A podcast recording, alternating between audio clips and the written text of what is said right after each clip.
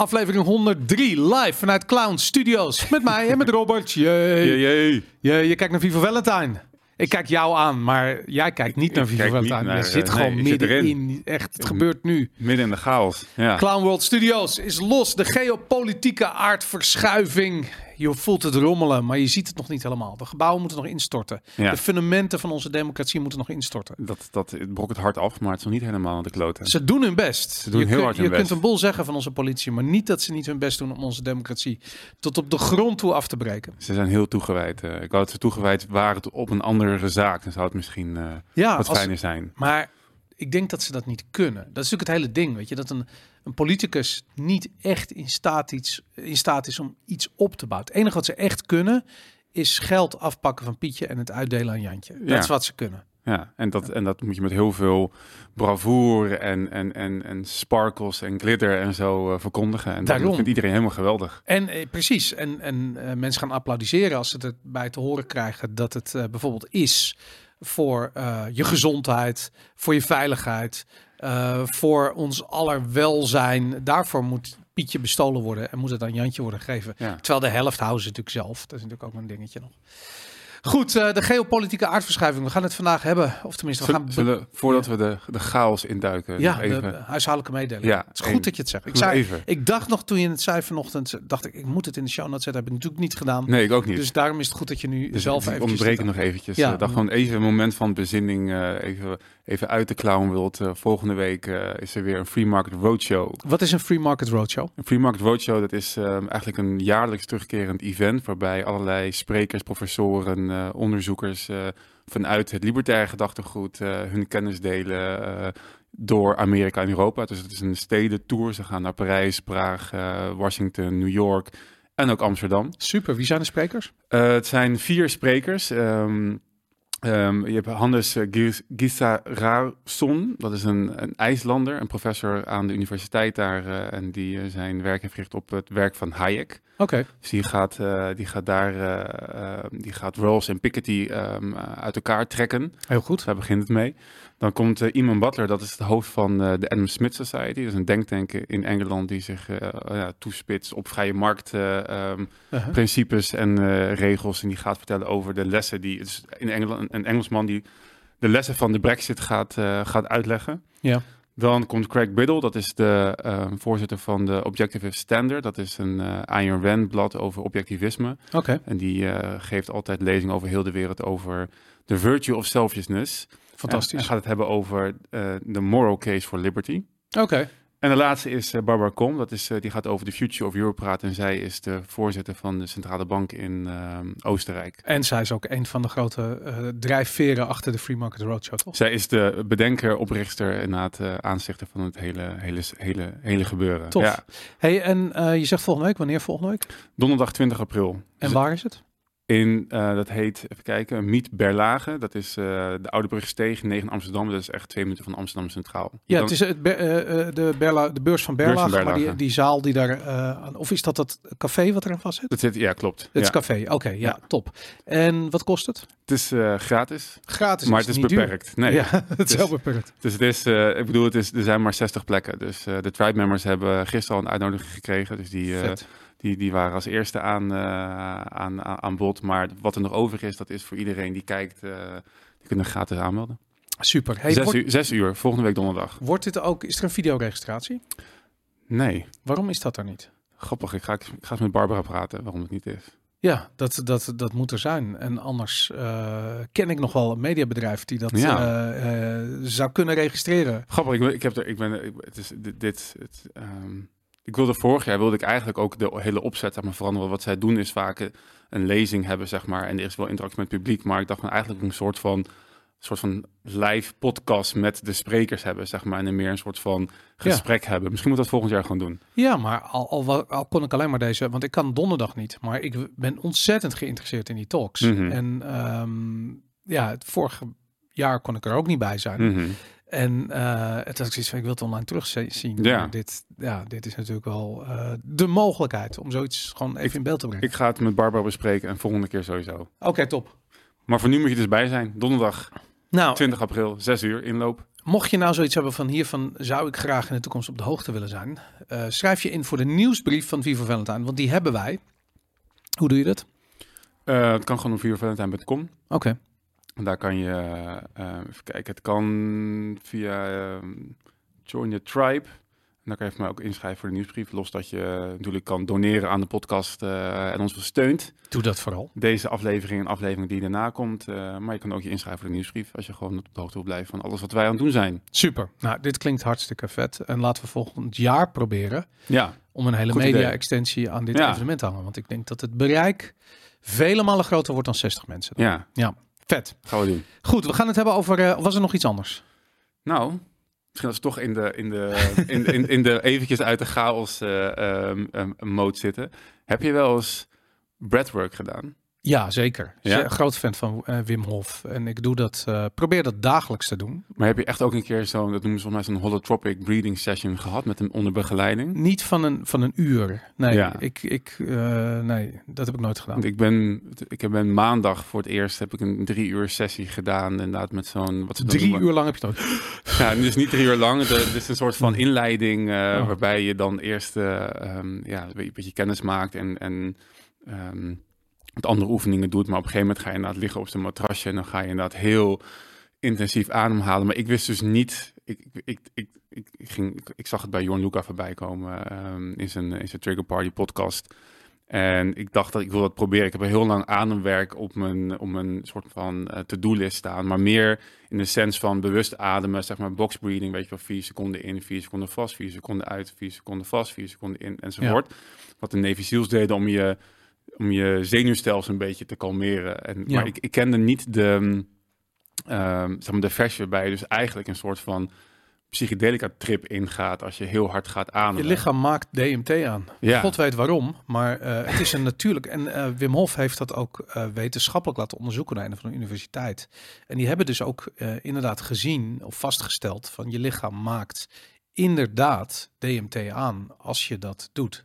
Hmm. En dat, eh, dat is heel interessant, want dat betekent dat je, eh, ja, je, je bent je eigen drugs. Ja, Eh, precies. en je, je wordt ook op een bepaalde manier euforisch ervan. En ik, ik, ja, e- e- eerlijk gezegd, bij mij het effect van een uur lang mediteren ja. of tien minuten. ehm, eh, ja, ik heb zo'n zo'n Wim Hof app. En dan Ja, kan, je ik, die, ja. eh, eh, kan je dat tien minuten kan je dat doen. En dan hou je anderhalve minuut je adem in. Nadat je een soort van 30 keer diep gaat. En in, Ja. whatever.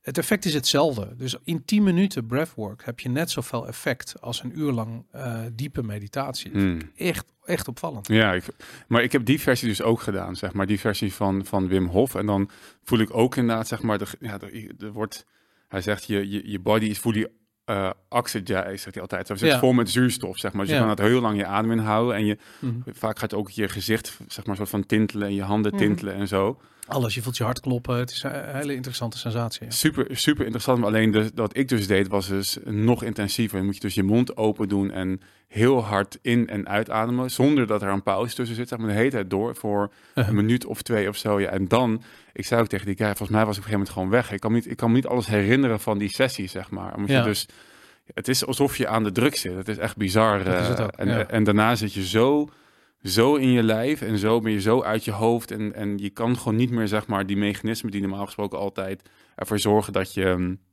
ehm, een wandelend hoofd bent en weinig van zeg maar je lichaam voelt, dat het kan gewoon niet meer. Nee. Je wordt gewoon direct omsteld en je gaat gewoon Ja. direct je lijf in. Ik vond het echt, Het is een fantastische Bizar. tool. Ja. Ja. Nou, wat goed dat je dat gedaan hebt. ja, ik ga het, ik ga het vaker doen. Ik kan het iedereen aanraden als ze eventjes in hun lichaam willen zakken. Nou, vet. Dat eh, ik ook. Ik, ik wil dat wel een keer doen, om dat gewoon echt zo'n hele lange sessie te doen. Ja. Dat heb ik nooit gedaan. Ik heb altijd maar een beetje met die app gekloot. Maar zelfs daar vond ik het effect wel heel groot van. Maar toch, dat... eh, Kan je, ja. weer, kan je weer meer ontspanning de Viva Valentine podcast kijken? Precies, en ontspanning heb ik wel nodig. Ja. Dat kan ik je vertellen. Vooral toen ik eh, op politico.nl, nee, .eu, eh, het artikel las, of eigenlijk de verslaggeving las van Macron, ehm, die eh, een bezoek heeft gebracht, eh, natuurlijk met eh, Ursula, met Queen Ursula. Oh ja, was die ook mee? ja, die was ook mee. Die was ook naar China. Ze zijn met z'n tweeën naar China gegaan. En ehm, Politico heeft daar als eerste een, eh, een verslag van gegeven. Eh, met een prachtige foto ehm, die je hier ziet. Eh, ik bedoel, het is werkelijk ongelooflijk. Macron met een gigantische Chinese vlag op de achtergrond. En ik denk dat het psychologische effect van deze foto niet onderschat moet worden. Mhm.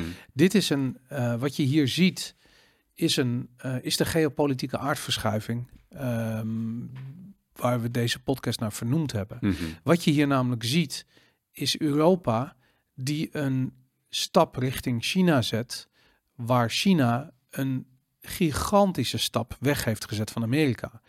En je kunt je afvragen wat de betekenis van dit bezoek is. En vooral van, van de opmerkingen die Macron heeft gemaakt. Ehm, wat de betekenis is, betekenis is voor de relatie tussen Europa en Amerika. En we hebben natuurlijk ook... Kijk, je kunt de oorlog in Oekraïne niet loszien van de geopolitieke ehm, eh, situatie rondom de dollar. Mhm. Weet je, de Poetin heeft... De Amerikanen zijn begonnen. Die hebben toen Poetin Oekraïne binnenviel, hebben de Amerikanen gezegd... eh, de staatsschuld die... ehm, eh, van Amerika die, ehm, die Rusland in zijn bezit heeft, die, die verklaren we nu als verbeurd. Dat was, het ging om 600 miljard. Eh, daarmee, eh, omdat, Dus wa- was, dat, was dat de dollar, de dollar assets van Rusland, toch? ja, dat klopt. Dus die, eh, maar die, die, die, die bestonden in de vorm van eh, staatsobligaties.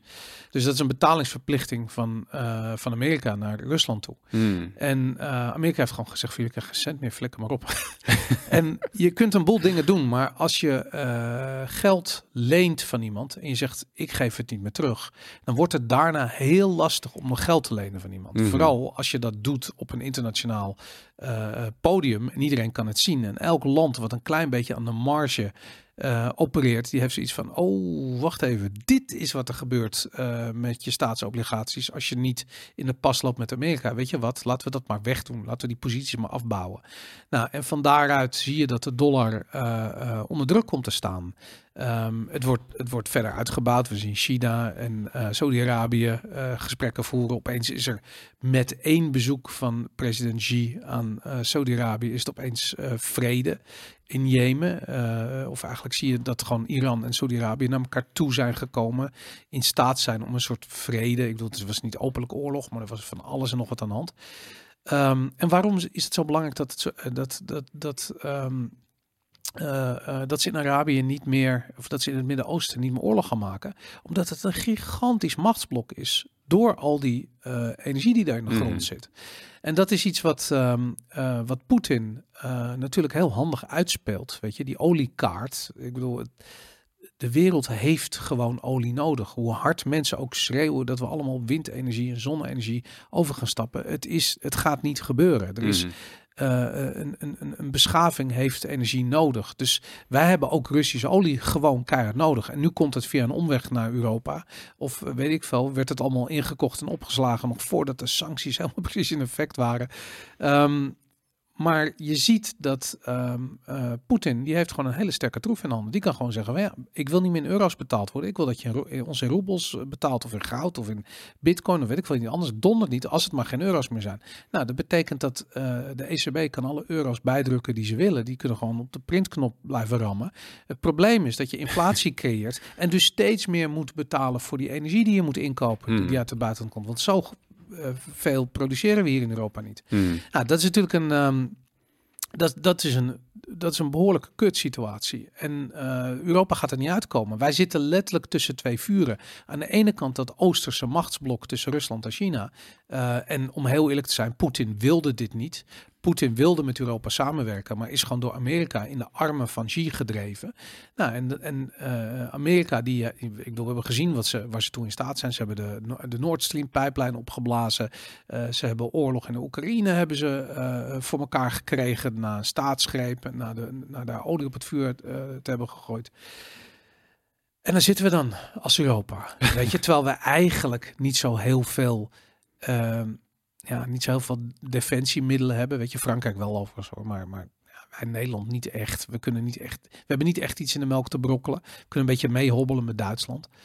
En ehm, ja, weet je, pang roepen. ja, precies. En dan zie je dus hier eh, Macron die naar, eh, naar China reist en vervolgens een uitspraak doet. Ik geloof, volgens mij zegt hij dat ook. Ehm, Europa moet de druk weerstaan eh, om een volger van Amerika te worden. Nou, het- is een beetje mosterd naar de maaltijd. Ik zou zeggen, we zijn al een aantal jaren zijn we eh, stevige volgers van Amerika.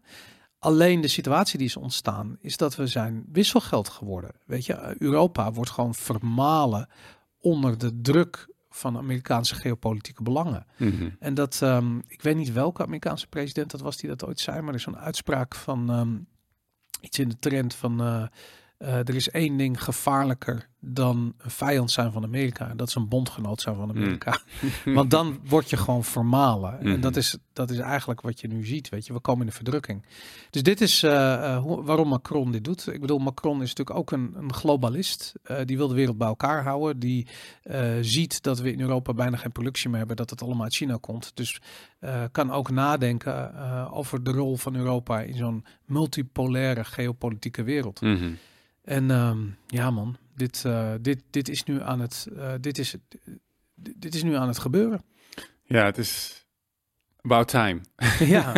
ja, maar het- ik, ik, ben, ik, voel, ik, voel, ik vind het ook heel, heel dubbel, want eh, ik, ik vind het een goed ding dat we naar het soort van teruggaan waar je voor mij vorige week ook over had, naar zo'n multipolaire wereld. Dat je niet meer een machtsblok hebt zoals Amerika, die gewoon alles doet waar ze zin hebben. Aan de andere kant is die multipolaire wereld, als het een multipolaire wereld blijft, zeg maar, en niet gaat verschuiven naar een unipolaire wereld naar het oosten, Mhm. de vraag is, wat is enger, zeg maar? De neocons in Amerika of de communisten in, eh, in China en, eh, en Rusland? Want dit is de toekomst. Macron die hier met zijn communistische denkbeelden voor een communistische Chinese Ja. vlag staat, eh, helemaal rood. Dit is Macron. Dat rode, dat zit, dat, dat onze EU eh, en ons Europees Parlement is doordrenkt met dit rood. ja, precies. En, dat zie, en natuurlijk ook, ja, je moet denken aan eh, Justin Trudeau, weet je, die ook gewoon openlijk... eh, 20 miljoen van de Chinezen heeft gehad via een of andere miljardair uit Maleisië. Oh, Heb echt? je dat, heb je dat meegekregen? Nee. Nou, dat is vorige week of zo. Belachelijk. Nee, maar oh, nu snap ik als een lof eh, richting, richting China altijd, maar ook niet eens richting China, maar ook richting zeg maar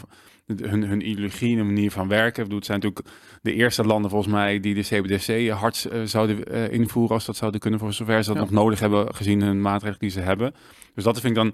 Dus ik heb heel vaak discussies over zeg maar de, de, eh, de, de nut en noodzaak van het Westen die zeg maar gaat, gaat, gaat knuffelen met eh, Rusland. eh, Ja, en, en China. En dat, ik snap het, want het zijn natuurlijk gewoon geen vrije economieën, het zijn geen vrije landen. Aan de andere kant, Amerika is dan ons aan het slachtofferen. Dus nou ja, ik, ik, ben, ik ben voorzichtig positief dat, dat een, een Frankrijk en misschien hopelijk dat Duitsland gaat volgen. Want dat waren vroeger de, de kritische landen richting Amerika. En de landen die het ook een beetje eh, samenwerking met Rusland wilden opzoeken. Dat zijn weer een beetje terugkomen in die oude, oude modus. Waarbij Europa misschien weer genoeg geld gaat verdienen om ook een van die polen te zijn in een multipolaire wereld. nou dat, wat je daar zegt, spijker op zijn kop. Want dat is het gevoel wat ik bij dit artikel heel erg had. Waarom is Europa zo zwak? Mhm. Weet je, waarom zijn wij zo een eh, ellendig, ellendige, eh, eh, eh, slecht georganiseerde ehm, eh, toestand, waarbij de productie voornamelijk in Noord-Europa zit en de kosten voornamelijk in Zuid-Europa, het geld naar Zuid-Europa vloeit.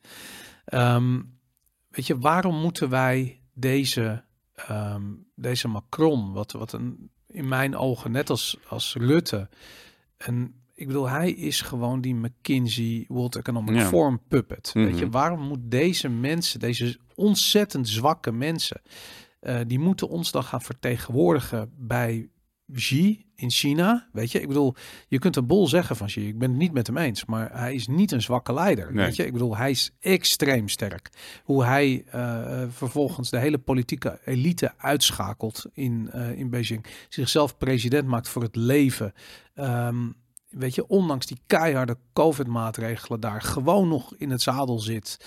Eh, schijnbaar sterker dan ooit. Ehm, ja, ik, ik, ik weet het niet. Ik, ik zie Macron daar net als Trudeau eh, als een loopjongetje heen gaan. Eh, net als Van der Leyen. Het zijn geen serieuze mensen. Het zijn geen sterke mensen. Ze hebben geen militaire slachtkracht. Ze hebben geen economische slachtkracht. Ze hebben daar helemaal niks. Het enige wat ze kunnen komen doen is vragen of ze alsjeblieft mee mogen doen met China. En ik, was dat, ik- was het, hebben we het over gehad over Justin Trudeau die op zijn op zijn kop kreeg van... eh, ja, ja, die- tijdens ba in Bali bij die G20-top. Ja, Ja, ja, ja, ja. dat was echt gênant was dat.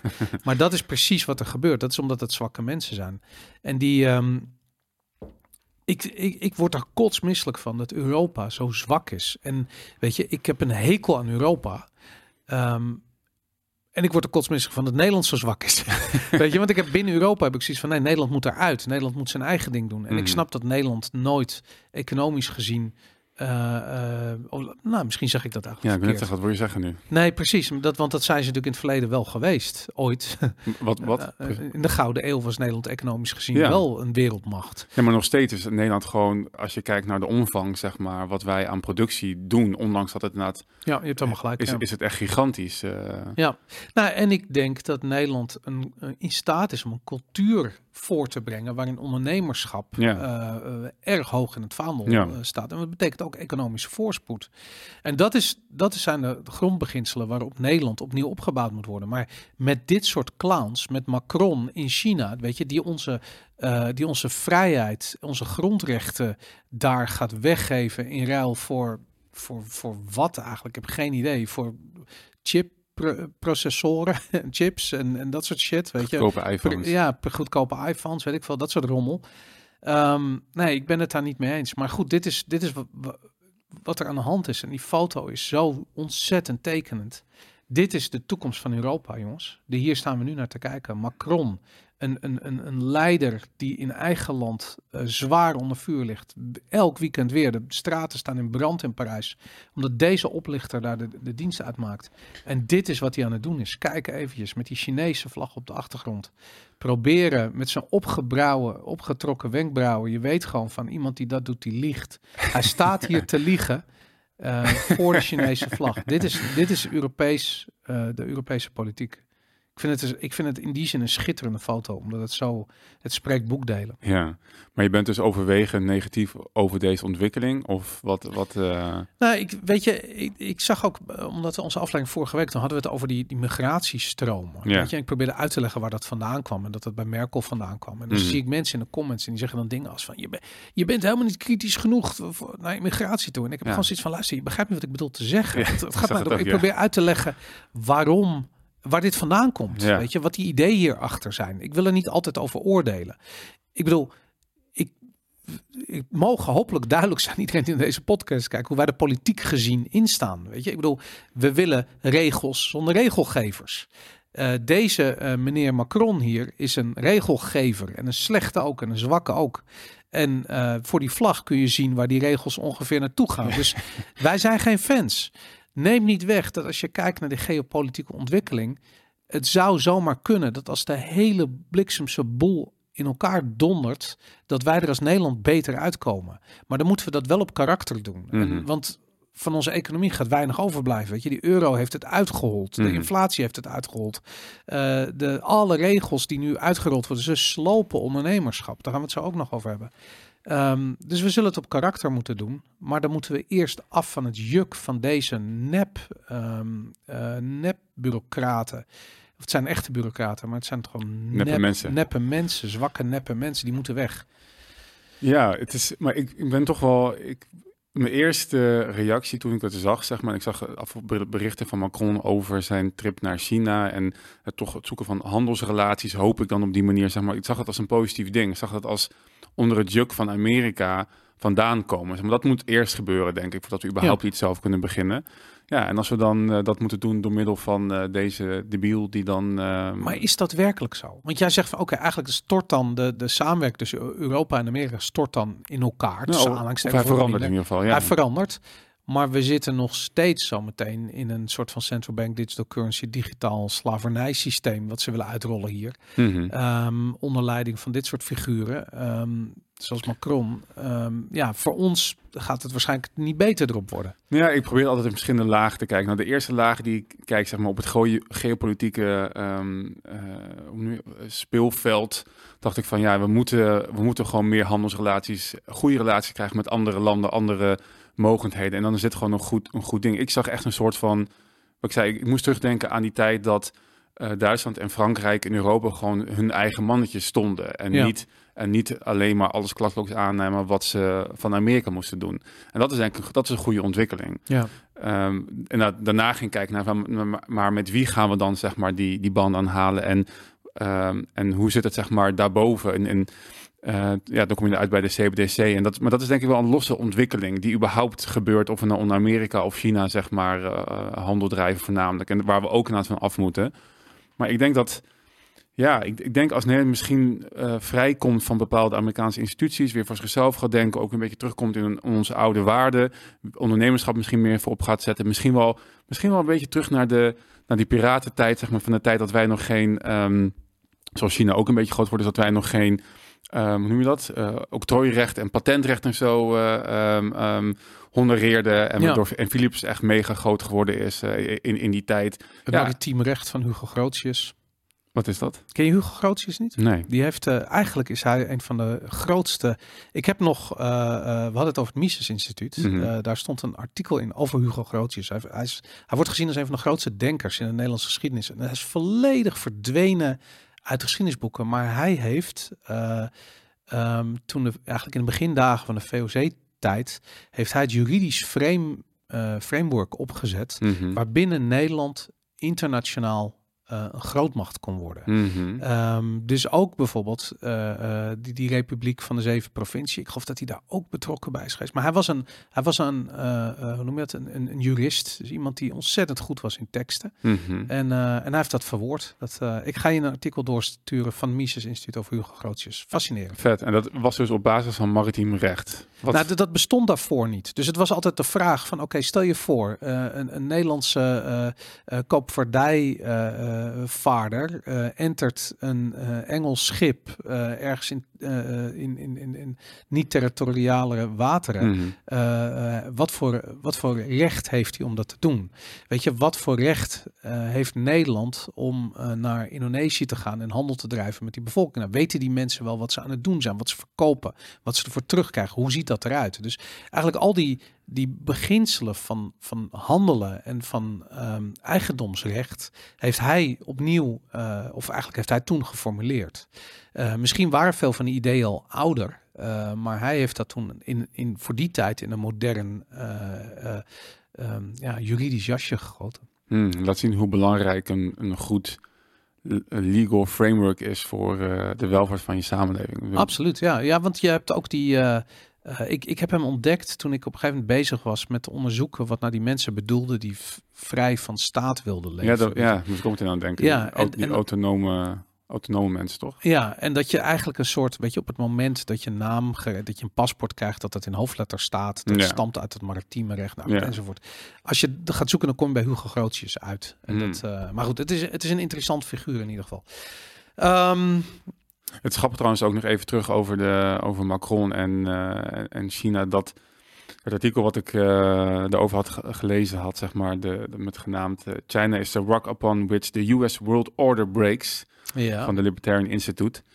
Um, ik vind wel grappig ook dat zij, zij benoemen daar ook in de arrogantie van Amerika. Zeg maar. Je vertelt natuurlijk over de maatregelen die ze nemen richting, richting Rusland. Met het, het opheffen van zeg maar, de schuld die zij aan hen, aan hen hebben. Maar Mhm. mm -hmm. ze hebben zoals veel mensen zeggen, ze hebben de dollar ge, geweaponized op verschillende manieren. Ze hebben natuurlijk landen gooien van SWIFT af als ze niet bevallen. Alles wat zeg maar te maken heeft met die met dat financiële hege, hegemonie van Amerika. Mhm. Mm -hmm. um, dat, dat zetten ze in. En ze denken ook dat ze mij mee wegkomen. Hij vertelt dat Biden, zeg maar, in, in de laatste State of the Union, een soort van heel smak vertelde van ja, niemand wil, niemand wil Xi Jinping zijn, zeg maar. Wie, wie wil nou Xi Jinping zijn? Die is een beetje mee, weg, een van zijn hallucinaties meevoeren, waarbij die zeg maar een soort van in één keer Xi Jinping ging, ging aanvallen, zijn ijsje ging eten en zo, ja. ja. En, en, maar ja, het laat een soort van, goed, hij heeft natuurlijk helemaal geen besef, maar het, het, het, het de, ik denk wel dat het laat zien hoe hij en zijn, zijn, zijn staf, zeg maar, kijken naar,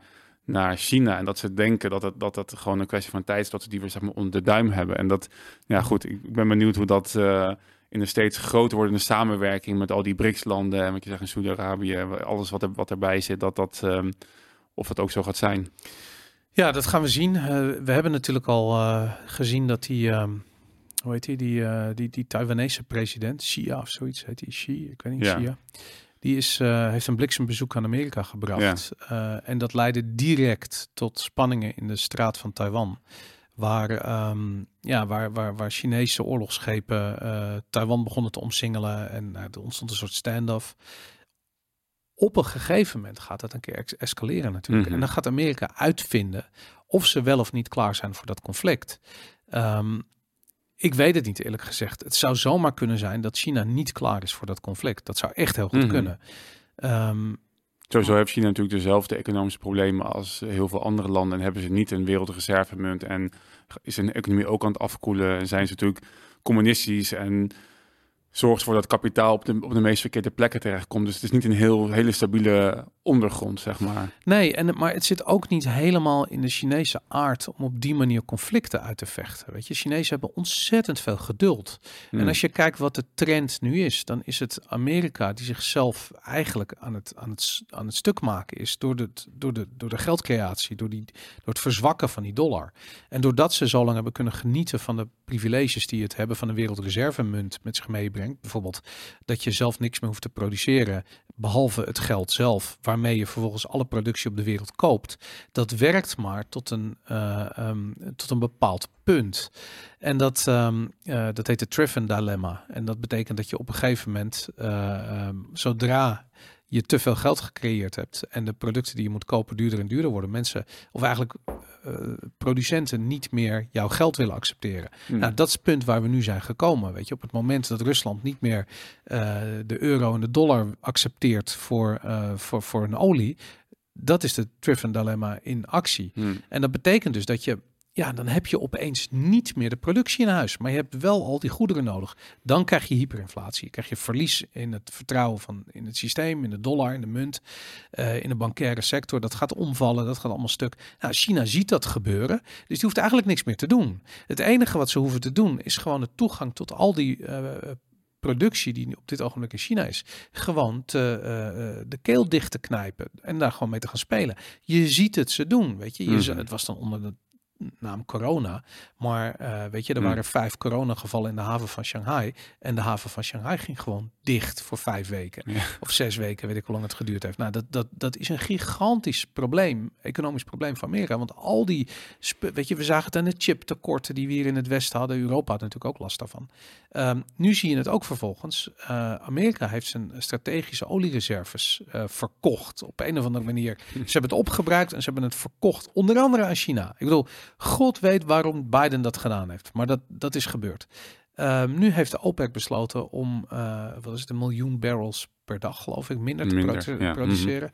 Eh, dat betekent dat de olieprijs zo meteen weer rustig naar 140, 150 dollar gaat.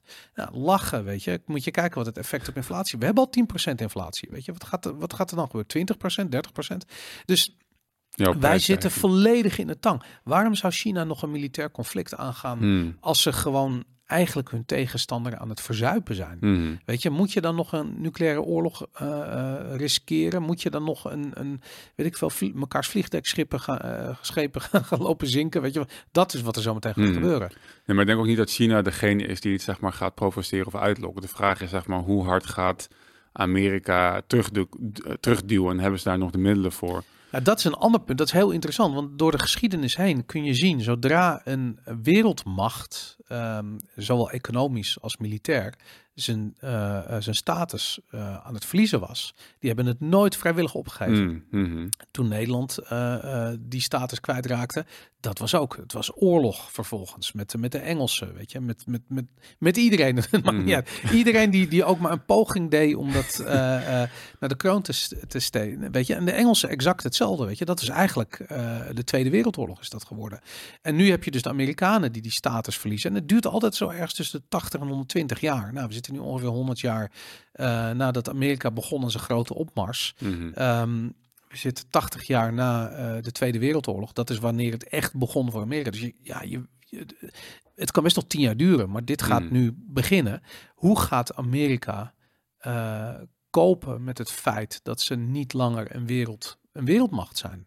Gaan ze dat vrijwillig weggeven of wordt het oorlog met iedereen die ze naar de kroon steekt? En helaas, dat laatste lijkt, er, lijkt te gebeuren. Want we zien oorlog met Rusland en we zien, zien hoog oplopende spanningen met China. Mhm. Nou, dat, dat is toch letterlijk dit scenario. Mhm. Dus jij hebt gelijk van misschien is het niet alleen China die dit, ehm, eh, die dit ziet aankomen, maar misschien is het Amerika die het gaat forceren. Ja. Aan de andere kant, het zou best wel eens kunnen dat China slim genoeg is om de directe confrontatie te mijden, omdat het gewoon niet hoeft. Ja, dat, dat, dat zou goed kunnen. En ik denk ook dat Amerika, ik denk dat ze het wel willen, maar vraag me af van hoeveel middelen ze nog over hebben. Ik ben ook nog steeds een beetje dat hele conflict. Gigantisch. Wel- welke? Ik wil het Pentagon was afgelopen jaar, wat was het 2, 3 biljoen kwijt. Weet je, zijn, ze zijn nooit, ze hebben nooit een audit gehad, maar om zoveel tijd wordt gesproken over Ja. een audit en dan krijg je weer dit soort cijfers toch. Ja, dat, ja. Ik bedoel, ze zijn trillions of dollars zijn ze kwijt, biljoenen dollars. Maar wat wil je ermee zeggen? Dat ze... Dat gaat allemaal naar, de, weet ik van, naar de CIA, naar die, die, die zich bezighouden met het ondermijnen van regimes, van systemen, het clandestine oorlogsvoering, het, het traint het halve Oekraïnse leger. Ja, precies. Maar dat zijn precies de dingen die ze nog kunnen doen. Maar dat is niet genoeg. Je ziet het ook in Oekraïne. En dat is... Ik volg nog steeds zeg maar de, de- elke week een beetje van hoe dat zeg maar zich ontwikkelt. En je zag een paar maanden geleden toen zeg maar de openlijke steun aan Oekraïne eh, eh, groter werd vanuit Amerika, zag je zeg maar ze, ze, ze publiceren elke keer lijsten met wat ze sturen aan wapens zeg maar Ja. richting Oekraïne. En het was eerst was het zo'n lijst van dat gaan we direct uit inventory sturen en dan zo'n beetje zeg maar dat gaan we laten maken en het komt later. Ja. Dat is omgedraaid zeg maar. Ze hebben ze, het zijn elke keer Maar er is niks meer, ze hebben alles al gestuurd. Exact. het is is- opgeschoten. Exact, dat is mijn Ja. punt. Ze, hebben ze hebben geen spullen meer. En je moet, het kost heel veel tijd om bepaalde zaken te maken. Los dat het heel veel geld kost, is het gewoon... heb je productiefaciliteit nodig voor bepaalde ammunitie en uh, wapentuig. En dat Mhm. is gewoon niet op het niveau om de oorlog in Oekraïne, zeg maar, nog, nog, nog van... Maar er zit daar nog iets anders aan. De, de, de oorlog in Oekraïne is een heel inefficiënte oorlog. Ik zag van de week zag ik een eh, video ehm, voorbij komen. En ik moet je eerlijk zeggen, ik, ik, heb als, ik word misselijk van die, van die oorlogsbeelden. In- Want ik vind het, het is echt heel naar. Maar hier zie je een aantal Russen zie je in een loopgraaf zitten. Ehm, en die worden eigenlijk eh, eh, ja, omsingeld door twee Oekraïnse T-72 tanks. En die tanks zijn gewoon met hun, met hun grote geschut aan het knallen op soldaten in loopgraven. Mhm. Zoveel munitie is er. Weet je, dat, ik zag dit ook voorbij komen in een, ehm, in een draad waarin eh, eh, veel eh, ex-defensiepersoneel zit, veel mariniers. En iedereen had er iets van, jezus, de proportionaliteit van deze acties, fucking krankzinnig. Los van dat op een gegeven moment die Russen aan het zwaaien zijn met witte doek en dat niet uitmaakt. Want ze worden alsnog van dichtbij beschoten. en allemaal, ze gaan er allemaal aan hoor, daar niet van. Mhm. Maar dat, eh, dat je gewoon ziet van, weet je, een, een T-72 tanks tegen vijf man in een loopgraaf.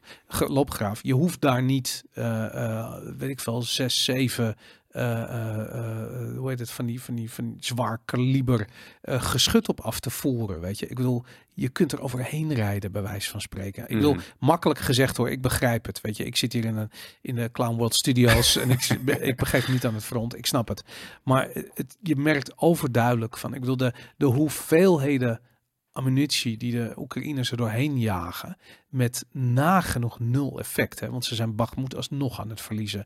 En ik bedoel, je hebt af en toe het idee van ze zijn niet ergens op aan het schieten, ze zijn gewoon aan het schieten. Mhm. Weet je, het, het is alsof het vuurwerk is. ik bedoel, al die howitzers, ze hebben toch een tekort aan howitz. Nu hebben ze weer een tekort aan, eh eh hoe heet het, lucht... HIMARS lucht- of Pa- Patriot raketten. ja, de Patriot raketten sowieso, maar ook luchtafweer ah, raketten, ja, en weet klopt, ik veel wat. ja. Ja, waarom hebben ze een tekort daarvan? Omdat er gewoon, weet ik veel, er komen gewoon 500 van die Russische raketten eh, eh, in, een, in, in een week komen er over. En die moeten allemaal neergeknald worden. En dat lukt maar voor de helft. Maar ze schieten wel vijf van die raketten af om één zo'n raket neer te schieten. En dat is gewoon, het is gewoon ontzettend verspilling. En dan zie je opeens van de NAVO heeft, heel, heeft zich nooit voorbereid op een jarenlange durende grondoorlog. En Mhm. dat is wat dit is, weet je. Dat is niet wat de NAVO... NAVO was maar ja, special forces eh, beperkt. En dan weet ik veel met een paar Apache helikopters. En dan heb je die, die geitenhoeders er zo onder, weet je. Dat is een beetje de NAVO. Ja, precies. Maar dat is, dat is mijn punt, zeg maar. Dus Amerika die heeft, geen, heeft denk ik niet de middelen om een heel grootschalig conflict aan te gaan. Kijk, het, ding is, en, en de, meeste dingen die daar naartoe gaan, is van het leger van zeg maar de, de, de landmacht van Amerika. En ze hebben natuurlijk een, ja. hun marine is oppermachtig. Dus hoe dat nog gaat, is dan, dan krijg je echt een heel groot conflict. Dus daar kunnen ze nog wel iets in doen. Maar de, Maar het zo is gaat het, dat, beperkt. dat gaat het toch zijn? Ja, het dat- gaat, dat het gaat gaat het een ja. marineoorlog worden. zeker weten, Dus ja. dat, dat, ik, ik las een artikel dat, eh, dat de Chinezen nu bezig zijn om ehm, mobiele, nee, misschien is het goed. In plaats van vliegdekschepen bouwen ze een soort vliegdek-eilanden. Omdat die Amerikanen hebben een bom of, een, of iets waarmee ze vliegdekschepen kunnen eh, laten zinken. Mhm. En om dat tegen te gaan, hebben ze gewoon, zijn ze gewoon dingen aan het bouwen die niet kunnen zinken. En dat eh, ehm, is het, het is mateloos fascinerend. Want eh, die Chinezen, daar kunnen we vanuit gaan, hebben nu ook die eh, Russische techniek waarbij ze hypersonische raketten hebben. Waar de Amerikaanse vliegtuigschepen weer geen eh, verweer tegen hebben. Dus Mhm. Ehm, ja, da- daar gaan over en weer gaan gewoon ontzettend veel slachtoffers op zee vallen. Dat zie je gewoon aankomen. Mhm. Ik denk dat Amerika daar niet tegen bewapend is. Want dat zie je in Oekraïne ook. Hè. Het is leuk dat er, weet ik veel, 100.000, 200.000 Oekraïense eh, eh, jonge mensen eh, de gehaktmolen ingaan. Eh, in Amerika doet dat niet heel veel. Maar als dat 100, 200.000 Amerikaanse soldaten zijn, dan is het klaar. Is einde Mhm. oefening. Dan is er geen oorlog meer. Mhm. En ja, wie gaat de oorlog, wie gaat de proxyoorlog tegen China voeren voor Amerika, weet je? Ik weet het niet. Japanners, eh, de Australiërs. Dat is wel eens proberen, net zoals Duitsland eh, weghouden bij eh, Rusland, China tegen Japan blijven ophitsen. Ja, precies. Die, Ja. die hebben natuurlijk ook een hele grote marine en een hele grote aanwezigheid. Ja. Ja, nee, ik denk dat het al eerder klaar zou zijn. Op het moment dat er duizend, eh, 2000, paar duizend doden zijn aan de Amerikaanse zijde en heel veel vliegtuigschepen of één vliegtuigschip. Eén dan vliegtuigschip, is het denk ik- 5500 matrozen Ja, aan dan, boord. dan is het al klaar, denk ik. Dan, Ja. dan keert de hele, heel Amerika zich tegen die oorlog. Die toch van nature nog steeds een klein beetje, eh, nou, niet pacifistisch zijn, maar in ieder geval zich wel afzijdig houden met wat er eh, van, de, van vroeger uit, met wat er in de rest van de wereld gebeurt. Dus misschien Ja. is dat een wel een mooi moment om daar weer naar terug te keren dan. Goed, nou ja, de politieke, de geopolitieke, ehm, hoe noemden we het? Aardverschuiving. Aardverschuiving was het inderdaad, ja. Ehm, zullen we doorgaan met Amerika of zullen we even naar Nederland gaan? Amerika. Amerika. Ja. Mooi, nou dan gaan we het hebben over eh, eh, Robert F. Kennedy Jr., jouw naamgenoot. ja. Ehm, we kennen hem allemaal vanuit de eh, oorlog die hij voert tegen onder andere Pfizer. Hij was een, een, een, een hele fanatieke anti-vaccin activist, maar hij is daarvoor al heel, langer, ac- heel veel langer actief als activist tegen de farmaceutische industrie. Ja. Heeft meerdere rechtszaken gewonnen, volgens mij al 2 miljard aan schadevergoedingen eh, bij elkaar vergaard, zag ik ergens voorbij komen. Ik, weet, ik, zag, ik zag verschillende getallen, ik weet het eigenlijk niet precies. Ehm, hij is altijd heel erg onderlegd, dus op het moment dat hij ten strijde trekt tegen de farmaceutische industrie, dan doet hij het met een leger advocaten. Eh, hij heeft een boek geschreven, eh, The Real Dr. Fauci natuurlijk, eh, waarin we te lezen krijgen dat Fauci een soort mengel is. En hij heeft zich nu verkiesbaar gesteld voor de Amerikaanse verkiezingen. ja, als democratische kandidaat. Dat ook nog eens een keer. Ben, Ja. je, ben je psyched of heb je zoiets van, ik vertrouw hem niet? Ehm, ja, ik, het, dat, ik, in eerste instantie vind ik het interessant omdat hij, ehm, om, om- gezien zijn standpunt, ik ben natuurlijk geen democraat, dus ik weet eigenlijk niet hoe hij over economische thema's denkt. Weet je wat? Wat jawel, dat heb, daar heb ik namelijk ook een... eh, eh, ja, hij is wel, hij is wel anti, eh, an- anti naad van de, de, de financiële onderdrukking, zeg maar. Dat is net een, maar hoe die over regelgeving, belasting, dat soort dingen zeggen, dat, dat weet ik niet. Maar hij is inderdaad op hele belangrijke thema's, heeft hij het bij het juiste eind, inderdaad. Ja. Hij is tegen, tegen die, inderdaad die vaccinaties en blijkbaar inderdaad al 15 jaar las ik dat in dat hij is heel erg pro-Bitcoin ook, vind ik ook tof. Ja? Ja, ja, hij is een, ik heb hier een artikeltje eh, op Bitcoin Pro, US Presidential Candidate. RFK Jr. says Bitcoin provides an escape route from financial turmoil. Ja, Nou, vet. Dat is, eh, dat is inderdaad waar. Ja, ik zag, las inderdaad dat hij, dat hij inderdaad een zaak maakte tegen de, de, de hoe zeg je dat? De um, anti-crypto beweging van Biden's administration. eh, en wat hij inderdaad zei van ja, weet je, het is een, eh, ja, een escape route om uit die financiële onzin eh, te stappen. Dus dat, dat, dat snapt hij. Hij snapt de COVID-maatregelen die niet werken. Snapt hij, snapt dat de farmaceutische industrie te veel macht en te veel dingen doet. Dus dat is goed. Ja, ik hoop Hij is een Kennedy, man. en, en hij is een Kennedy inderdaad. Ja. Dat is natuurlijk wel de zoon van Ro- Robert Kennedy. ehm, de, de, ehm, Hij is Bobby Kennedy, is dat toch, of niet? Die werd ook Bobby Kennedy genoemd inderdaad. Ja, ja. Hij is, is hij omgekomen in het vliegtuigongeluk of is hij toen Nee. doodgeschoten? Nee, hij is doodgeschoten. Hij is doodgeschoten, oké, ja. De, de zoon van John F. Kennedy, dus John F. Kennedy Jr., van, Ja. die is in een vliegtuigongeluk, eh, ook een raar, bizar freak incident, eh, omgekomen. Ja, daar scha- de, de, de conspiracy theorie daarachter was dat hij eh, niet is omgekomen en dat hij stiekem de grote man achter Trump is. Dat hij Oh, heel, ja, ja, ja, dat hij heel erg goed bevriend met Trump zou zijn en dat dat... eh, Weet ik, we Hij- hebben het nog een keer over gehad. Dat je, je ziet ook bij die rally soms een man met een bril op en zo. Ja, Ja. klopt. Ja. Nou, ik vind het eh, in die zin interessant. Kijk, die, die, die, die ehm, Amerikaanse Democratische Partij is natuurlijk gekaapt door, de, eh, door, de, eh, door Obama en Hillary Clinton eh, en de mensen daarachter. Mhm. De neoliberals. ehm, ja, die gasten zijn net zo oorlogzuchtig als hun voorgangers, de neocons, die nog altijd veel van het buitenlandbeleid eh, vormgeven. Ik denk dat iedereen die buiten het systeem komt, eh, in mijn ogen een voorsprong heeft. Dat zagen we bij Trump eh, en misschien bij hem ook. Het zijn anti-establishment mensen. Eh, kijk, die partijen, het zal wel, weet je. Ik bedoel, dat is sowieso een raar gegeven dat je maar twee partijen hebt. En dat als Pietje de partij leidt, gaat het rechtsaf. En als je Jantje de partij leidt, gaat het linksaf. Dat is gewoon, het, die hele partijstructuur is gewoon raar. Ja, je, hebt, je hebt wel meer natuurlijk, hè? Je hebt veel meer partijen dan alleen die. Ja. Dit zijn gewoon de twee mega grote partijen. Ja, maar, maar de, ik heb ook het idee dat uiteindelijk die andere partijen doen er niet echt toe. Ik heb dat nog nooit gezien. Dat, eh, Nee, nee, tenminste, de, je hebt natuurlijk ook een Libertarian Party, zeg maar, in Amerika, die op presen, presen, presidentieel niveau ehm, eigenlijk nooit meer dan 5% van de stemmen halen. Maar omdat Amerika best wel zo'n gedecentraliseerde democratie is, heb je dus wel heel veel van dat soort lui zitten op posities als eh, hoofd van de school board of sheriff of burgemeester of dat soort dingetjes. Die Ja. gemeenteraadsleden, eh, dus dat soort dingen, ja, nog niet tot de hoge regionen, maar het is wel een, een, een, een politieke invloed, zeg maar, op lokaal niveau. Ja, ja, precies, inderdaad. Dat, ehm, nou goed, ik, ehm, ik, eh, ik, ik was best wel enthousiast over, eh, over meneer RFK Jr. Het zou vet zijn als hij ehm, in ieder geval zeg maar de, het kandidaatschap van ehm Biden kan afpakken. Dat je, dat je een eh, Kennedy-Trump eh, race krijgt of zo eh, in, Ja. in 2024. Of jij, ik, ik, ik zeg het en ik hoor je denken, ik wil Kennedy de DeSantis. Ja, nou sowieso. Ik, ik vind uh, Ron DeSantis... Maar goed, ik bedoel, er is niet zoiets als een goede Amerikaanse politicus. Hè? Dat, dat is, ik bedoel, Mm. Rand Paul daar gelaten. Ron Paul. Ron Paul, zijn vader ook natuurlijk. Of eigenlijk Ron Paul nummer 1 en Rand Paul nummer 2. Maar Mm. voor de rest, ehm, ja, weet je, Amerikaanse politiek is zo door en door corrupt. Het is heel erg lastig om daarin overeind te blijven zonder zelf corrupt te worden. Dus wat dat betreft, eh, eh, maar goed, ik vind de outsiders altijd tof. Eh, ik vind ook gewoon qua entertainment value was Trump natuurlijk een, een, een geschenk uit de hemel. maar, ehm, en ik vind ook inderdaad, kijk, Biden is zo ontzettend zwak. Ik, ik denk eerlijk gezegd dat hij de zwakste president is die we bij mijn weten ooit in Amerika gezien hebben. Er zijn er wel meerdere geweest die zwak waren, maar hij, ik bedoel, hij is openlijk dement. Ja. Je, Hij wordt niet meer gerespecteerd. Hij heeft onder zijn eh, presidentschap is er oorlog uitgebroken met Rusland.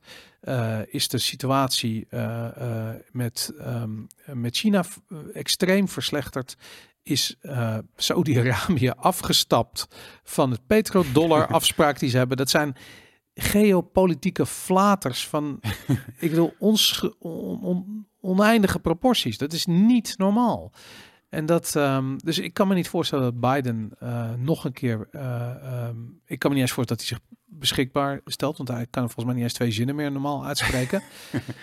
Aan de andere kant, weet je, ik bedoel, deze eh, RFK Jr. is natuurlijk zo hard van leer getrokken tegen, en terecht hoor, tegen de farmaceutische industrie en tegen de vaccins. En het probleem is dat een heel groot deel van de democratische stemmers gewoon heel erg pro-vax zijn. Nog altijd, op de Mhm. dag van vandaag. Terwijl Amerika heeft nog altijd een inreisverbod voor mensen die niet gevaccineerd zijn. Mhm. Eh, Amerika Dat- heeft... Trouwens, er is ehm, een wet aangenomen. 11 mei gaat hij er vanaf. Ja, ik, eh, eh, ik hoor het, maar eerst zien dan geloven. De wet is aangenomen. Oh ja, dat Ja. gaat gebeuren. 11 Eh, mei ja. is weg. Ja. Ja, perfect. dan, eh, dan kunnen we weer een keer naar Amerika. Misschien Ja. het zal lachen zijn. eh.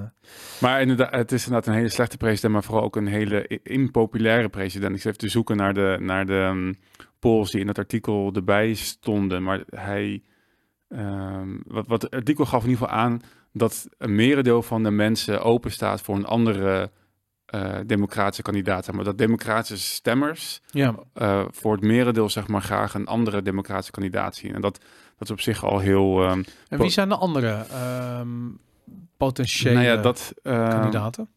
in dat artikel toen, zeg maar, dus hij zegt van 69% wil gewoon iemand anders dan Biden. Zeg maar, dat is een beetje wat ze zeggen. Mhm. En 31% eh, van, de, dus van de mensen die, die iets anders willen, en dat zijn, even kijken, eh, is, dat is 54% die zegt van ik wil graag een andere kandidaat. Ja. Van die 54% van democratische stemmers zegt 69% we willen gewoon iemand anders dan Biden, het boeit niet wie het is. Mhm. Dan zegt 31% van die, die zegt van, die hebben dus een specifieke mening. Daarvan zegt 5% Bernie Sanders, 4% eh Pete Buttigieg, Jezus. eh 4% Kamala Harris en dan eh 3% eh, Michelle Obama, dan Gavin Newsom, Elizabeth Warren, Alexander Ocasio-Cortez, lang niet zo over gehoord. 1%. 1% nog. 1% van de democratische stemmers wil haar Ja. als... eh, Jezus Christus. En ik, heb, ik ging dus even verder zoeken, want uh, um, uh, voor Trump is het trouwens heel anders. Die wil, mensen willen nog steeds Trump hebben, zag ik. Echt iets van 70% wil gewoon dat Trump Ja. zeg maar, blijft, uh, blijft runnen en kandidaat wordt. En van de mensen die het niet willen, is die 30% daarvan wil het meeste. 40% zeg maar wil DeSantis. Dus dat Ja. zag je echt een hele grote favoriet onder de Denk je, zie je, zie je Trump de Santis als ehm, running mate. Ja, dat zou Ja, wel. ik een- denk het wel. Ja, dat zou insane zijn, toch? Ik denk dat dat heel vet zou zijn, ja. Ik denk dat hij het ook wel gaat worden. Maar wat, wat interessant was, zeg maar, ik ging meteen kijken naar de polls. Was er al een poll gedaan tussen Biden en Kennedy. Mhm.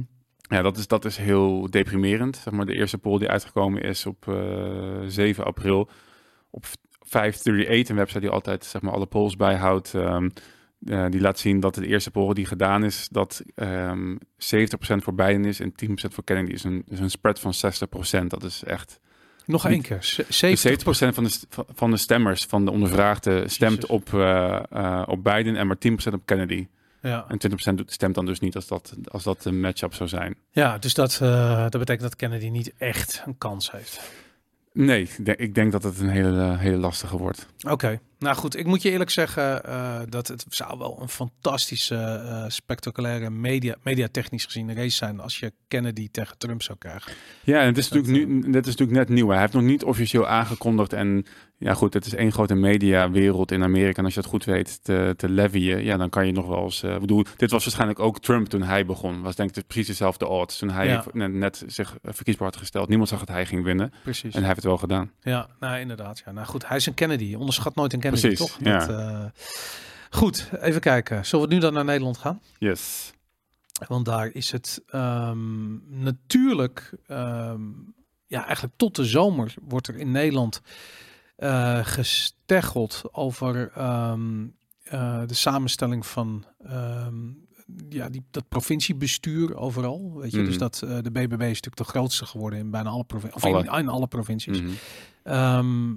Maar nu hoorde ik net vanochtend dat eh, ehm, onze grote vriendin eh, Caroline ehm, naar, eh, of die, is, die heeft met, ehm, met Frans Timmermans gezeten en eh, die, Is hij nou wel daarheen gaan of is hij hier naartoe hij is naar Den Haag gekomen. Oh, ik weet het niet zeker, maar ik, ik- dat is het laatste wat ik hoorde. Dat, Ja, eh, dat, eh, ik heb het even niet paraat waar, waar ze dat. Maar in ieder geval, zij zou dingen hebben gezegd als van waar is dan de ruimte, meneer Timmermans, Ja. in het stikstofbeleid? Hoe kunnen we iets doen? Hoe kunnen we iets doen? En Wat heb- moet ik doen? Ja, en vervolgens stond er een nu.nl een artikel online waarin, waarin Frans Timmermans zei dat hij bereid was om de BBB te helpen.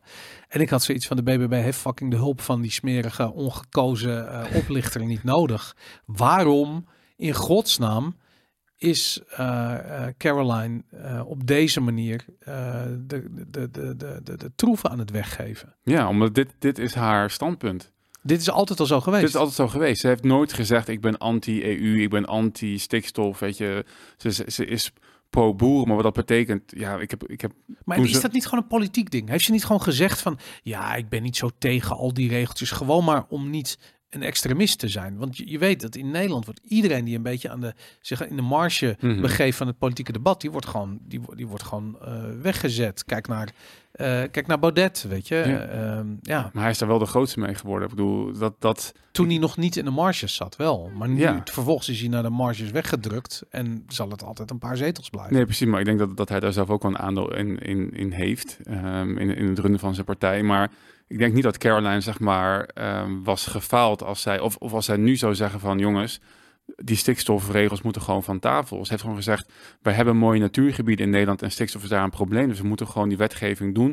Maar het moet gewoon niet zo snel gaan. We doen het vijf jaar later, 2035. Dat soort, dat is altijd al haar koers geweest. Weet je, is niet, Ja. ze is, niet, ze is eh, ook niet, nou goed, dat was een hele clash bij Jinek, dat ze zei van, dat Jinek, die viel haar aan op het feit van, ja, maar jij bent anti-uitkopen. Ik zei, zei ze, nou, niet anti-uitkopen. Ik vind het, als boeren dat willen, vind ik dat, vind ik dat prima. Maar dat, het blijft allemaal in dezelfde tendens van, ja, we hebben wel een probleem en laten we daar een oplossing voor zoeken. En niet Ja. van, ja, we hebben geen probleem, flikker maar op met je, met je stikstofregels. Dat is letterlijk wat controlled opposition is. Ja, dat is precies. wat het is. Ja. Het is ook echt precies, het is precies zo dat de, de, de, de, mm, de boerenprotesten waren op een hoogtepunt. Je voelde de onrust en weet je, tractoren weer naar, naar Den Haag en iedereen weer in rep en roer. En het wint en je ziet dat alles is weer gaan liggen en, er- en niemand, niemand doet meer iets. Ja, en we hebben alsnog Frans Timmermans die gewoon de dienst uitmaakt. Inderdaad, dus eerst, dus, en, en zijn, hoe heet dat, zijn, zijn deputy, die, ehm, Met die gek van PvdA ook alweer. Ja, Diederik. Samson. Als Samson, ja, sorry. Die, eh, die heeft gezegd hoe streng het moet zijn. Ja, die, die twee mensen zijn nog steeds dus aan het bepalen wat we hier in Nederland moeten doen. En waarom in godsnaam? Het is ongelooflijk. En het is ook inderdaad, nu dit duidelijk wordt dat zij dat doet, hoor ik Rutte ook een stuk minder schreeuwen van ja, we moeten met haast. eh, en je hebt best wel kans, want kijk, dat is natuurlijk de vraag die ik me eigenlijk elke week eh, afvraag. Wanneer valt dit kabinet? Ja. Zie jij, zie jij het misschien voor je dat de kans dat het kabinet valt groter is nu Rutte weet dat Lintje de macht grijpt en gewoon het e-pro-EU-beleid gaat uitrollen? En hij kan lekker naar de NAVO toe, of weet ik veel wat. Nee, ik weet, ja, nee, ik denk niet dat het daarom per se sneller het kabinet zal laten vallen. Ik denk eerder dat hij, ehm dat zegt Arno altijd, van weet je, zijn hele visie is gewoon de VVD moet regeren. Ja, En ik ga alle, al, mijn, al mijn ideologieën gooi ik gewoon de deur uit, zolang de VVD maar blijft regeren. de Dus VVD, wie moet in godsnaam, als hij weggaat, wie moet in godsnaam de VVD runnen? Ja, niemand. Hermans met, Ja. met de piepstem. En er, eh, ik, bedoel, ik vind het grappig hoor, dat de Wilders er elke week eh, eh, neersabelt. neersabelt inderdaad. En dat je haar dan zit een beetje zielig als, het, als een gepest musje in een hoekje ziet zitten. Maar ja, ik weet het niet. Nee, ik denk niet dat het kabinet sneller gaat vallen. Ik denk dat Rutte nog steeds, ehm, ja, gewoon... Misschien is hij ook aan het wachten. Misschien is er een soort van deadline van de NAVO. Ja, je krijgt over twee jaar die baan en wil- hij sowieso nog twee jaar blijven zitten. Ik weet niet precies. Hij gaat sowieso denk ik niet de spotlight uit voordat hij die andere functie heeft. Dus we weten natuurlijk niet hoe snel mensen iemand anders zoeken daar. Misschien heeft hij... Toch een Zweed daar, die daar zit, of een Noor? Die, eh, die hoofd van de NAVO? Een zweet, dacht ik inderdaad, ja. Is de Noor. Ik weet niet meer, maar ik had het idee toen ik zeg maar die Nord Stream verhaal, zeg maar, ik dacht van degene die, voor mij is die in het kamp die meedeed aan die Nord Stream attack en eh, heeft hij wel een soort van credits gekregen van Amerika. Oké, jij mag nog wel drie jaar zeg maar eh NAVO-hoofd blijven en moet Rutte nog wel even drie jaar wachten voordat hij aan de slag is. En dan hij gaat sowieso tot de tijd dat hij daar anders aan de bak mag, gaat hij kabinetje redden. Dat is wat dat is zijn ding. Ja, Al moet hij de communistische worden dan zal- eh, met de VVD, dan als dat is waar mensen op stemmen, dan gaat hij dat doen. ja, nee, dat is, eh, ehm, dat is duidelijk dat dat gaat gebeuren. ik heb een nieuwe iPad, ik kan geen eens een browser vinden hier, man. Oh, hier, wacht. Boomer. Ja, maar echt. oh. Ik heb niet zoveel met. eh, Even kijken. Hoofd eh, NAVO. NAVO. Oh, tik, tik, tik, tik. Geluid staat nog niet uit. Ehm, Secretaris-generaal van de NAVO op dit ogenblik is. Hoe heet die man? Ik vergeet steeds zijn naam. Anders Fok Stolsen of zo. Oh, dat is zijn voorganger, ja. Nee, die St- Stolsen, weet je nou, weet je nou? Wauw, moet je kijken. Het gaat heel ver terug in de tijd. Klopt dan. Jens Stoltenberg, Jens Stoltenberg, inderdaad. Nou, het lijkt me een zweet, toch? former Norwegian Prime Minister. Eh, Oké, ja, inderdaad. Dat is hem inderdaad. Jens Stoltenberg. Hier is die. Ja, dat waren toch ook die lui die eh Nord Stream hebben opgeblazen. Ja, Ja, dat dus, hij, hij dus hij mag nog wel vijf jaar blijven. Ja, inderdaad. Ja. Goed gedaan. Nee, maar volgens mij dat is toch om de zoveel tijd eh, wordt dat gereset, toch? Die, ehm, eh, die toestand? Of Is, is dat een, eh, ik, ik, ik had niet idee dat dat een vast eh, wisselend schema is had, zoals Ah, bij verkiezingen. Ik heb geen idee. Dat leek me logisch, maar dat. Het zou heel logisch zijn, ja. Maar ja. ongekozen bureaucraten willen graag heel graag ongekozen bureaucraten blijven. Precies, inderdaad, ja. Dat is, dat is een goed punt wat je daar hebt. Ja, en laten we eerlijk wezen, we hebben het hier over een volledig A-democratische organisatie. Dus Ja. dat, dat is waar. Goed, oké. ehm, zullen we nog eentje doen? Yes. Ehm, laten we het even hebben. We gaan zo meteen in de extra aflevering gaan we het hebben over de Pentagon Files. Dat is een heel groot Mhm. onder, eh, onderwerp. We gaan het dan ook hebben over de economie. Eh, maar even één klein dingetje nog. Dat vond ik altijd eh, leuk om eventjes nog te schoppen tegen, ehm, tegen dit kabinet. Want wat meldt RTL Nieuws heel vrolijk. Vandaag is er een, een akkoord bereikt eh, over het, het, ehm, het, het op laten houden, het stoppen van tijdelijke huurcontracten. En met name op AT5 wordt er groot over uitgepakt, want voor de Amsterdamse woningmarkt heeft dit natuurlijk gigantische gevolgen. Ehm, in principe is het in Nederland zo dat je, eh, je mag een woning ehm, tijdelijk verhuren. Eh, maximaal volgens mij voor twee jaar. Eén keer een huurcontract van 12 maanden, één keer voor 11 maanden. Dat is, ik heb er een klein beetje ervaring mee, maar volgens mij zoiets. Ehm, je mag ook dingen doen als dat je bijvoorbeeld een jaar naar het buitenland gaat en dan mag je je woning verhuren bijvoorbeeld. Nou, dat stopt. Eh, wat je nu gaat krijgen is dat Dat mag ook niet meer. dat mag ook niet meer. Wat Hmm. je nu gaat krijgen is dat je een tijdelijk huurcontract is per definitie een vasthuurcontract. Dus op het moment dat je uh, iemand de sleutel geeft van een huis wat je bezit en je verhuurt het, op dat ogenblik zit diegene daar vast. En uh, de volgende stap in dit feest wordt dat uh, de maximale huur beperkt gaat worden tot een bepaald niveau. En ik bedoel, jij bent bij uitstek een kenner op het gebied van de Amsterdamse huizenmarkt. Je hebt gewerkt voor de gemeente. Uh, je, bent, je hebt in, in, in die hele sector ben je ontzettend bekend. Wat gaat het effect zijn op de Amsterdamse huizenmarkt van deze wet? Ja, ja ik, denk dat, ik denk dat het een, een hoe noem je dat? Dat het weer een van de um, maatregelen is die zich opstapelt, die er gewoon voor zorgt dat die hele markt gewoon de nek op wordt omgedraaid. En dat, dat, is, dat is al zo. We hadden het vanmorgen nog over dat je dat al heel erg terugziet in logistiek en commercieel vastgoed. Uh, daar, daar zijn de prijsveranderingen, zeg maar, die, nemen eerder toe. Maar dit, ja, die woningmarkt die loopt al vast. En um, je ziet dus door, want je had het net over die aankondiging van die maximale uh, huur. Dat, dat is dus ook al een voorstel van Hugo de Jonge. Daar zijn ja. ze dus al aan, op, voor aan het sorteren.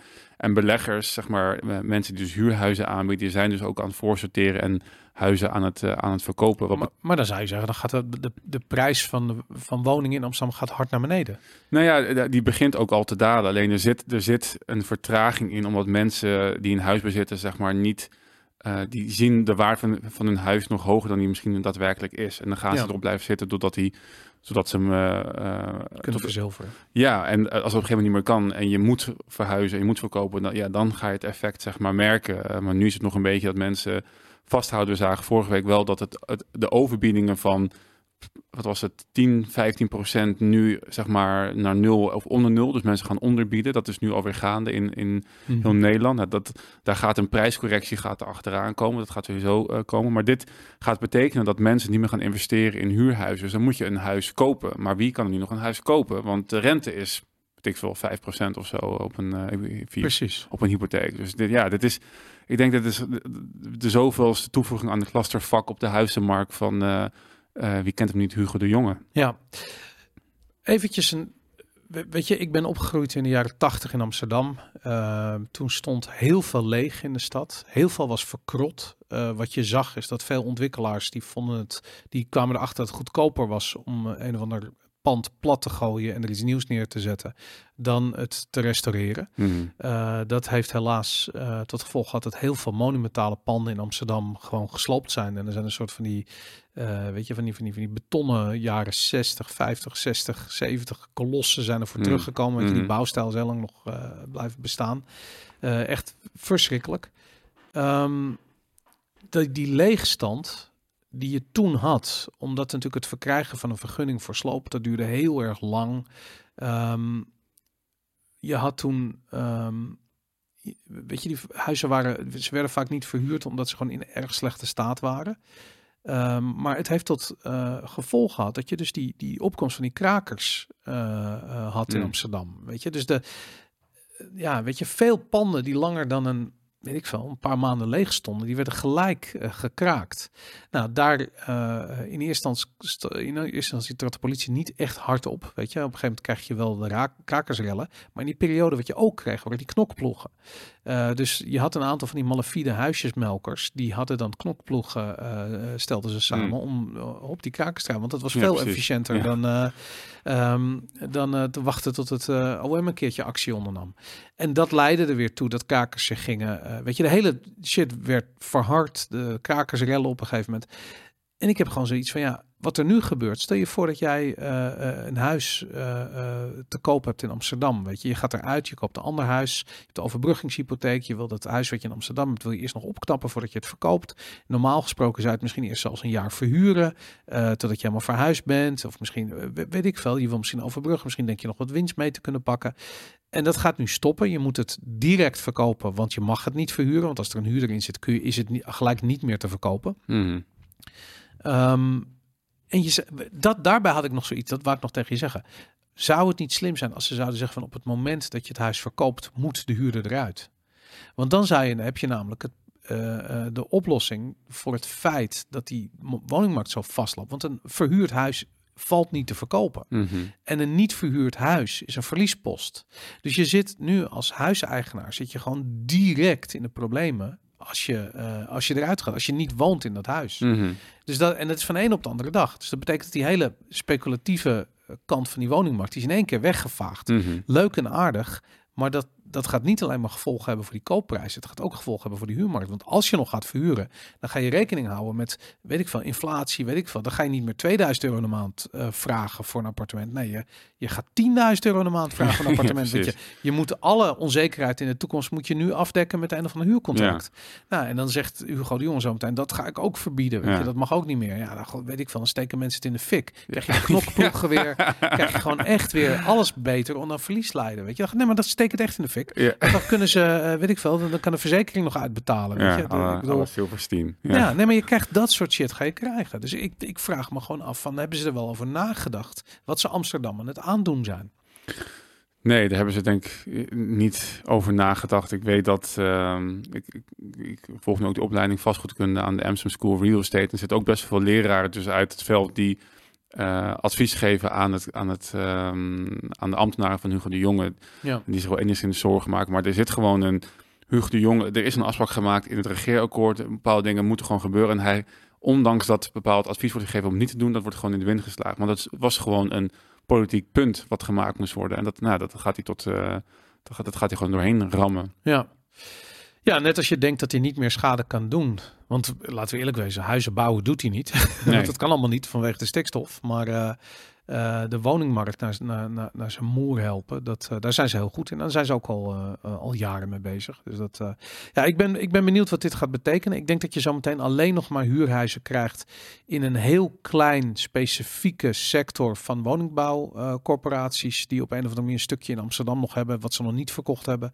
Ehm, eigenlijk net zoals wat je in New York hebt. Alleen krijg je ook die krankzinnige prijzen. En dan heb je daar tenminste nog het, eh, het voordeel dat je huurders eruit kunt zetten als de economische realiteit niet meer aansluit bij de contracten Mm. die je hebt gesloten of wat dan ook. En dat gaat hier zometeen ook niet meer kunnen. Dus Mhm. dat, ja, je krijgt gewoon hele, hele rare situaties. Ja, d- d- daar maar, weet je, ik denk ook van, doe dan maar. Gooi die andere, die middenhuurregulering er ook maar overheen. eh, en zorg dat 80% gereguleerd is. Loop het helemaal vast. En dan kunnen we misschien daarna van de hopen as die overblijven naar de chaos gewoon weer eventjes iets beters neerzetten. Want dit, eh, Ja. dit slaat nergens op. Nou goed. Top. Dit was ehm, de 103e aflevering van Vivo Valentine. Eh, wij gaan door voor alle tribe members. Mensen die ons supporten. Bazige bazen op eh vivovalentine.com. Daar gaan we nu, als je dit kijkt, op dit ogenblik gaan we direct verder. Eh, met de extra aflevering gaan we een uur doorpraten. Ik zei het al, eh, over economie. Eh, we gaan het hebben over ehm, natuurlijk de Pentagon Papers die gelekt zijn en de gevolgen hiervan voor de oorlog in Oekraïne. Zeker vanuit de context gezien van een spanning die oploopt in, in China en Taiwan. En ik ben bijna door mijn adem heen. Misschien moet ik ook weer breathworks gaan doen, want het, eh, ik- het, het kost me te veel adem. Anyways, thanks voor het kijken. Volgende week zijn we terug en we zien je zo meteen op vivovalentine.com bij de extra aflevering. Doei!